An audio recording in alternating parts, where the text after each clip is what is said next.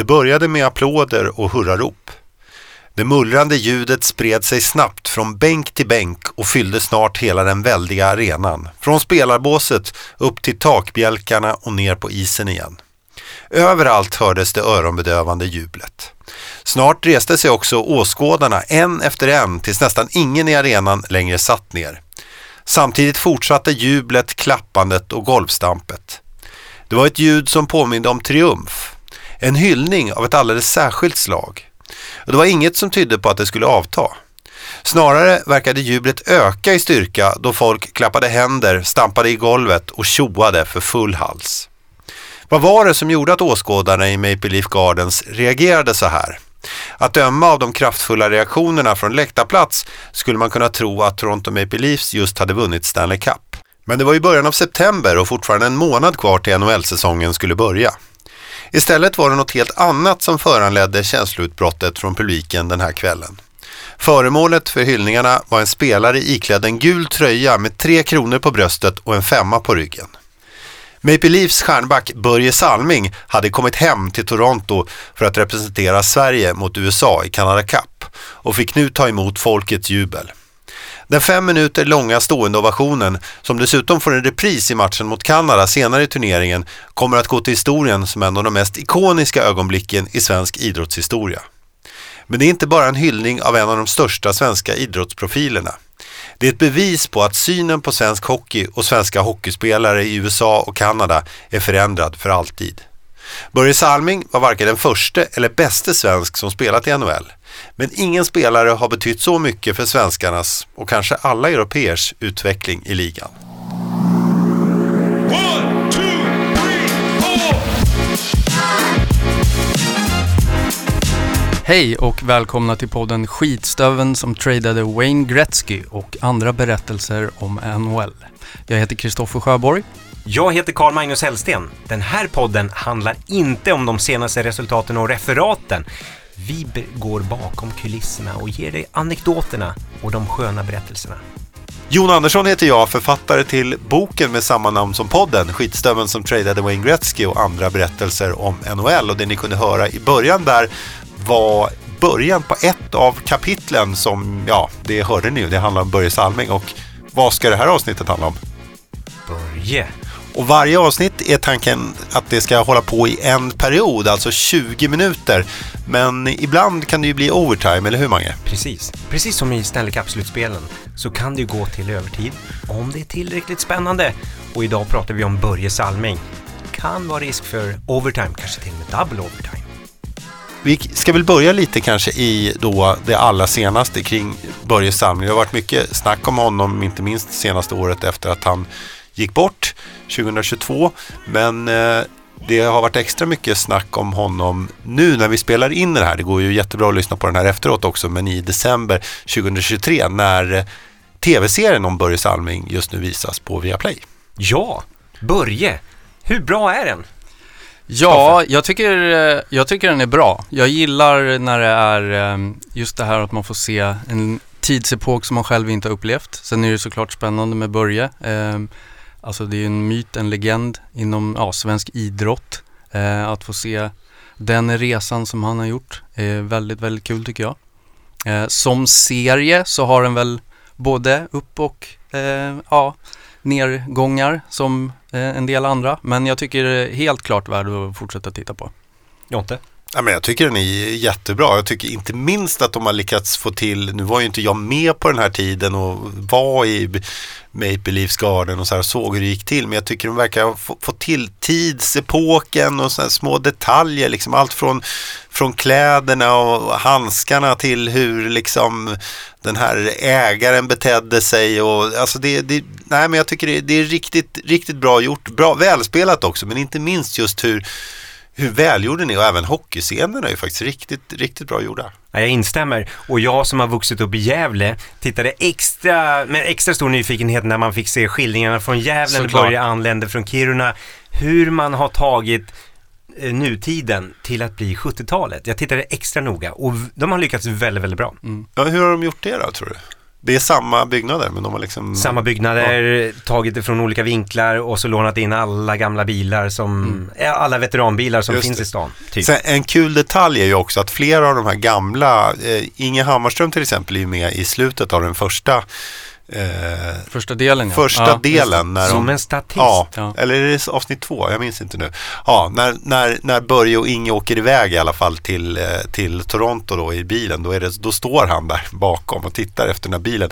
Och i avsnitt tre tror jag, i alla fall avsnittet efter, så är ju faktiskt, jag tror att det är både Daryl Sittler och eh, Lanny McDonald som står utanför Maple Leafs Garden och pratar om de ska gå på matchen eller något. Det är alltså det är de på riktigt. Kul att se. Ja. Här snackar vi tunga statister. Ja, verkligen. Men vi ska ju inte prata om Daryl Sittler och Lanny McDonald idag, eller hur Mange? Vi ska prata om Börje Salming. Ja. ja. Och med på resan var ju faktiskt Inge Hammarström. De signade kontraktet tillsammans, åkte över till Toronto och kom dit som en duo. Men eh, det var ju så att när, när de åkte över så var det ju sa ju folk hemma i Gävle att eh, ja, vad ska ni dit över och göra? Ni är ju tillbaka till jul. Eh, det här har ju Inge Hammarström berättat i en intervju med Hockey News. Och han berättade också om hur brutalt det faktiskt var att landa i NHL på 70-talet.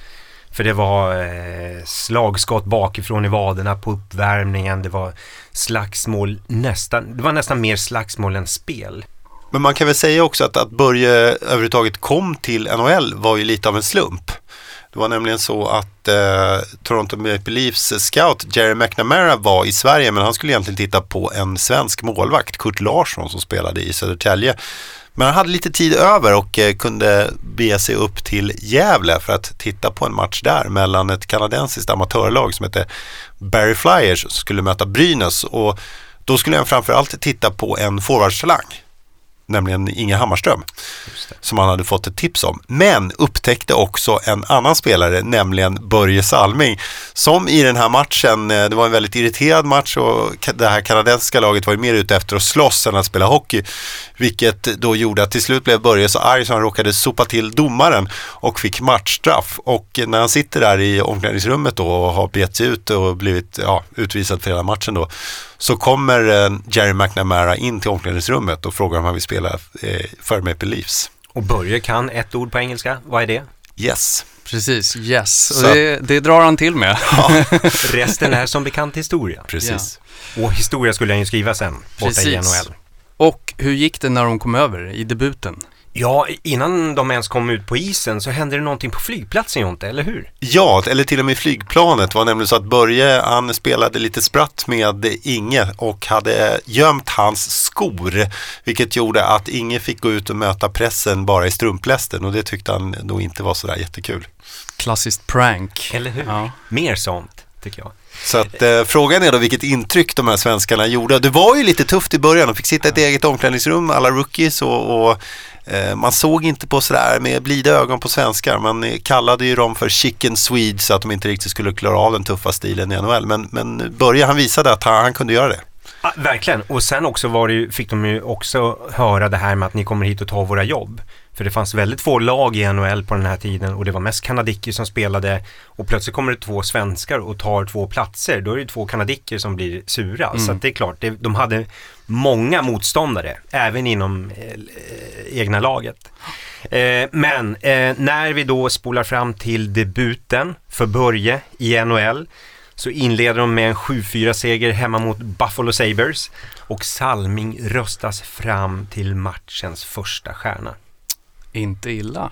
Och, och det han visar redan där är väl att han, liksom, han, han offrar sig. Han är villig, villig att eh, göra nästan vad som helst för att se till hindra pucken från att gå in i mål. Precis, och det där skildrade journalisten Jim Prost i en krönika i tidningen Toronto Star efter matchen. När han skriver att Toronto leder med 7-4, 10 sekunder kvar att spela. Då kastar sig Salming på isen för att täcka ett skott herregud, det är precis en sådan här spelartyp som Leafs behöver. Och det visar sig att det, att det var rätt. Han, han, säger ju, han berättar ju också det här själv lite hur, hur det är. Eh, att han eh, eh i sitt sommarprogram berättar om det. Eh, han täcker skott utan att tänka på det. Att det spelar ingen roll om det står 10-0 eller om de, alltså om de leder med 10-0 eller ligger under med 10-0 han, han gör det ändå, till och med på träningarna trots att lagkamraterna säger åt honom att han är puckad som gör det här. Så, så och, och, för honom då har han också sagt att det är en större kick för honom att rädda mål än att göra mål. Så att, eh... Och det där ska ju vara något han lärde sig redan under landhockeytiden när de spelade på gatan hemma i Kiruna. Mm. Men det blir och, succé i debuten och ja, vad händer det. i den andra matchen? Ja, men i den andra matchen, första bortamatchen, så möter de Broad Street Bullies, Philadelphia Flyers som är ett av... Mobbarna från Broad Street. Ja, exakt, precis. Eh, bara för att skildra hur tufft eh, Philadelphia Flyers spelade på den här tiden. För de skrämde sig fram till Stanley Cup-titlar. Folk var livrädda för att möta dem. Och det är klart, är du rädd för att möta motståndaren då kanske du viker undan. Eh, och så. Men det finns ett avsnitt av Simpsons där pappa Simpson drömmer en mardröm och drömmer att han hamnar i helvetet. Och helvetet är indelat i tre nivåer. På den första nivån i helvetet, där finns Saddam Hussein. Ah, det är inte så farligt. Han är ju ändå amerikan. Eh, nivå två i helvetet, där finns Hitler. Ja, mm, då börjar han bli orolig, lite nervös. Men längst ner i helvetets källare, där finns fjärde kedjan från Philadelphia Flyers på 70-talet. Det säger en del om hur tufft Philadelphia Flyers spelade ja, på den här tiden. Och det här laget möter alltså Börje Salming i match två. Och eh, det finns en intervju med Börje Salming som kom ut i samband med att NHL fyllde 100 år 19, eh, 2017. Och då berättade just Börje om fighterna med Flyers. Och det var, då sa han det att när vi spelade mot Philly så stod det folk på bänken och skrek att de skulle döda mig. Det var tufft, men det var samtidigt en del av spelet.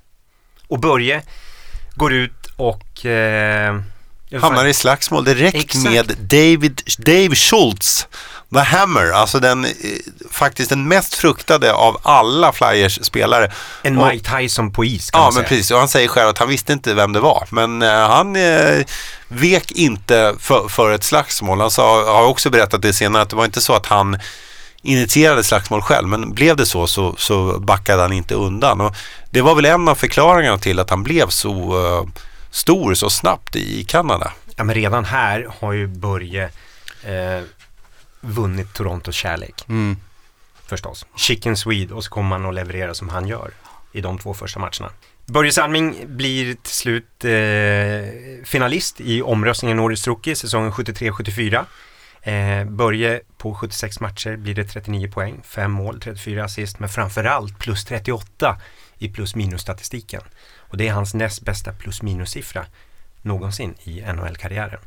Eh, det blir dock ingen eh, utmärkelse utan den tar en Potvin Dennis, Dennis Potvin som ju också är en av de klassiska backarna. Och det kan vi säga också då för att Börje sen eh, nominerad i, eller hur, Norris Trophy flera år i rad. Ja exakt, precis. Eh, det var ju så att eh, 75-76 så gör eh, Börje Salming 16 mål och 41 assist på 78 matcher. Säsongen 76-77 snittade han för första och enda gången i karriären över en poäng per match. 78 poäng, 66 assist på 76 matcher.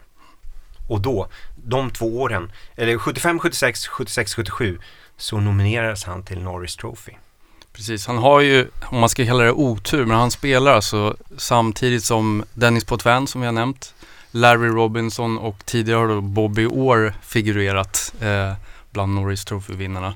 Ganska tuff konkurrens. Ganska tuff konkurrens. Det är alltså tre alltså, av de bästa backarna genom tiderna i NHL.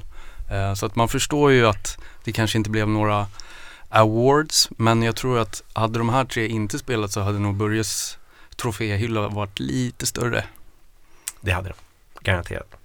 Det man kan säga också om Börje som gör att han blir så älskad tidigt i eh, Toronto det är ju att han anpassar sig väldigt snabbt till det kanadensiska sättet att spela hockey på. Han inte bara täcker skott, han viker inte heller för en fight och han eh, eh, offrar sig väldigt mycket och det här, det här tär ju också på honom och man måste hitta sätt då för att eh, kunna klara sig. Bland annat så inser han att det, det, är bra att försöka vara nära sargen innan man blir tacklad för då tar inte lika hårt på en. Det är också viktigt att vara rörlig så att man inte kanske blir tacklad lika snabbt. Så han klipper ner axelskydd och benskydd med en plåtsax för att eh, han ska kunna då komma ifrån motståndarna snabbare. Och materialaren han blir helt tokig och säger att ja, du får skylla dig själv om, om du skadar dig. Och det där eh, ser man ju också, den här materialaren spelar en ganska stor roll i den här eh, serien. De har lyckats eh, skildra honom på ett väldigt bra sätt. Ja, men precis. Så man kan se honom framför sig där, hur han suckar. Liksom. Ett, ett annat bevis på hur hård och stryktålig Börje var är ju från 1986 när han får en skridsko rakt över ansiktet. Man syr honom ihop honom med 200 stygn. Tre dagar senare står han på isen och tränar. Och det där har Börje eh, kommenterat tidigare. Ja, det kunde ha varit värre, men mitt öga var kvar så då, jag var tacksam för det. Och så går han ut och, och tränar.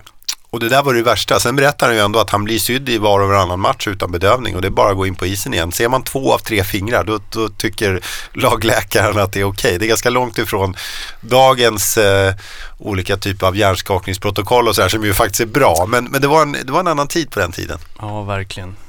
Men det är också en del, det är det som är hans storhet, eh, Börje. Eh, eller var hans storhet. Eh, sen också att han på något sätt, jag, man får fram det lite i den här serien också, att han, det var det här jävlar anammat, men det var också, han var liksom rak på sak hela tiden. Det, var, det fanns liksom ingen mediaträning eller något kändes det som på den tiden. Han var den han var. Och jag tror också det var därför han blev väldigt älskad.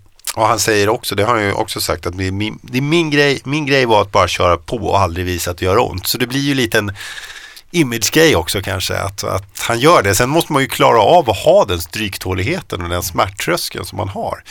Mm. det är klart, det är ju väldigt mycket vilja där också, men, men eh, det, det, känns som att det här kommer från, redan från barnsben. Verkligen. Och jag fick ju faktiskt äran att träffa Börje i, i mitt jobb som journalist tidigare eh, och gjorde en intervju. Eh, och otroligt eh, snäll och, och vänlig och, och tillmötesgående verkligen jordnära trots att han var den här giganten. Och eh, 1996 blev han ju då invald i eh, Hall of Fame eh, som första svensk. Och där gjorde jag ett, eh, en intervju med honom till, till eh, Gefle Dagblad där jag var NHL-reporter på den tiden. Och eh, Börje sa ju det att det här är ju den största utmärkelsen man kan få efter NHL-karriären och ett bevis på att man har gjort en bra insats under karriären. Och han berättade också att om man har nominerats tre gånger och inte blivit invald i Hall of Fame, ja då får man ingen mer chans. Eh, men det var ju liksom ingen risk för Börje, utan det här var hans första nominering och han kom givetvis in i Hall of Fame och eh, han fick fem minuter stående ovationer under Canada Cup 1976.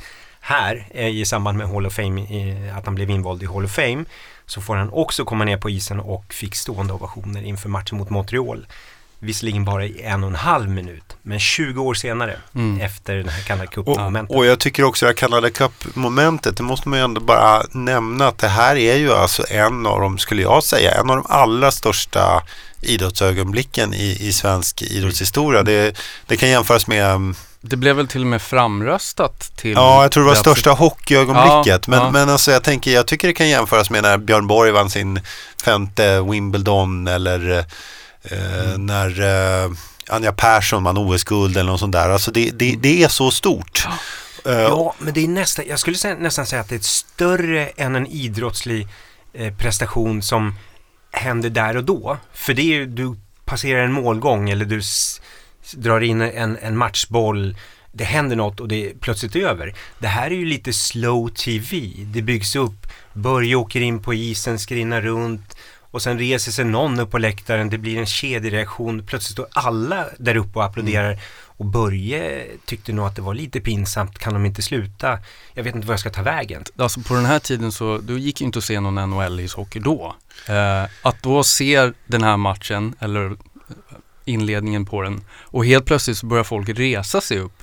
Då kan man ju tänka så här, vad, vad, vad tänkte folk då liksom? De måste ha fattat då, okej, okay, han, han är stor där borta alltså. Precis, och det var inte bara vi, vi svenskar då som, ja men kanske fallet med, ja nu var det många andra som ansåg att Björn Borg var stor, men som älskade honom på det sättet. Det är också häftigt. Hela, liksom, hela Toronto och halva Kanada. Verkligen. Och Börje gjorde ju 17 år i NHL. 16 i Toronto, sen rundade han av med ett gästspel i Detroit. Och är ju faktiskt den tredje spelaren som har gjort flest matcher för Maple Leafs. Eh, det är lite svårt att ta in. Och har väl fortfarande idag massa rekord för backar i Exakt. deras organisation. Flest assist eh, genom tiderna i Toronto. Mm. Ja, men jag brukar eh, säga det, ehm, jag tror jag sa det här i inledningen också, han är, han är inte den bästa, Eh, han, är inte, han var inte den första, men han Den är den största. största. Mm, ja, faktiskt. precis. Och vi kan väl säga det också att eh, Börje fick också chansen att eh, ta farväl av sin älskade Toronto-publik bara ett kort tag innan han, han avled i sin ALS-sjukdom. Han var ju väldigt märkt av den redan då, men man, jag tycker ändå de här bilderna är väldigt fina när han får den här hyllningen i Toronto ute på isen Eh, på hösten eh, 2022. Och, och det är det är klart att, att här ser vi en, en Börje som är sjuk men, men och det är på något sätt vill vi minnas honom som en frisk spelare och som den här personen då som hyllades 1976. Men det är ändå fina bilder så jag tycker för er som inte har sett det, gå, gå in på Youtube och titta för att det, det, det, det var en chans för Börje och för Toronto-publiken att säga farväl och sen dog han ju kort därefter så det kändes också som att, att Cirkeln slöts på något sätt. Ja, Mm. att han kanske hade väntade på, det brukar man ju säga ibland, nu ska inte jag sitta här och säga hur det är, men, men att eh, ibland dör ju folk efter att de har fått göra den här sista Mm. saken och frågan om det var, ha, han ville få det här gjort innan. Eh, Inga Hammarström har ju sagt i Hockey News eh, just gällande den här sista resan till Toronto att Inge var skeptisk till om han skulle orka med den, att ta sig över Atlanten. Men Börje ville kämpa hela vägen in i kaklet. Han ville verkligen ta farväl eh, till sina fans, både i Toronto och här hemma i Sverige. Eh, ingen säger att det var fantastiskt, men samtidigt väldigt smärtsamt att se. Och det summerar väl ganska bra intrycken. Jag minns tillbaka till den här intervjun jag gjorde med Börje inför att han blev invald i Hall of Fame 1996. För Gefle Dagblads räkning så ställde jag frågan till Börje eh, Grämer det dig att du aldrig fick vinna Stanley Cup under dina 17 år när Foppa kom och fick lyfta Lord Stanleys pokal under sin andra säsong? Vad tror ni Börje svarade? Nej, han, jag, jag tror att han tyckte det var okej. Såklart. Ja. Eh, Han sa ju som Börje förväntas säga att jag hade en så rolig tid ändå. Eh, och det här får mig att tänka på Börje spelade i tröja nummer 21. Foppa spelade i nummer 21. Borde kanske svensk ishockey göra som NHL har gjort och, och pensionerat hela nummer 99. Ingen får använda Gretzkys nummer i eh, NHL. Borde vi kanske göra det i Sverige också? Pensionera- Ja, fan med det. pensionera- Pensionera tröja nummer 21. Nummer 21. Som jag, en hyllning till Foppa och Börje. jag tycker absolut att de ska göra det. Eh, det tycker jag. Det vore ju väldigt stort alltså. Jag håller med. Eh, Och det här är ju, enligt mig så är det ju här Sveriges två största hockeyspelare genom tiderna. Så att det vore väl en fantastisk gest och också tycker jag att visa lite statusen på våra storspelare här. Precis som man gör i Kanada med 99. Så att absolut, jag tycker vi... Vad härligt att vi är överens. Ja. Vi samspelar i den här Ja. kedjan. Ja. Och du som lyssnar, vad tycker du? Precis, gå in och kommentera. Glöm inte att följa oss så hörs vi igen snart. Eller skriv ett mejl till Hockeyförbundet och sätt igång en kampanj. Exakt. Ja. Ja. Tack för att ni har lyssnat. Tack för att ni har lyssnat. Tack.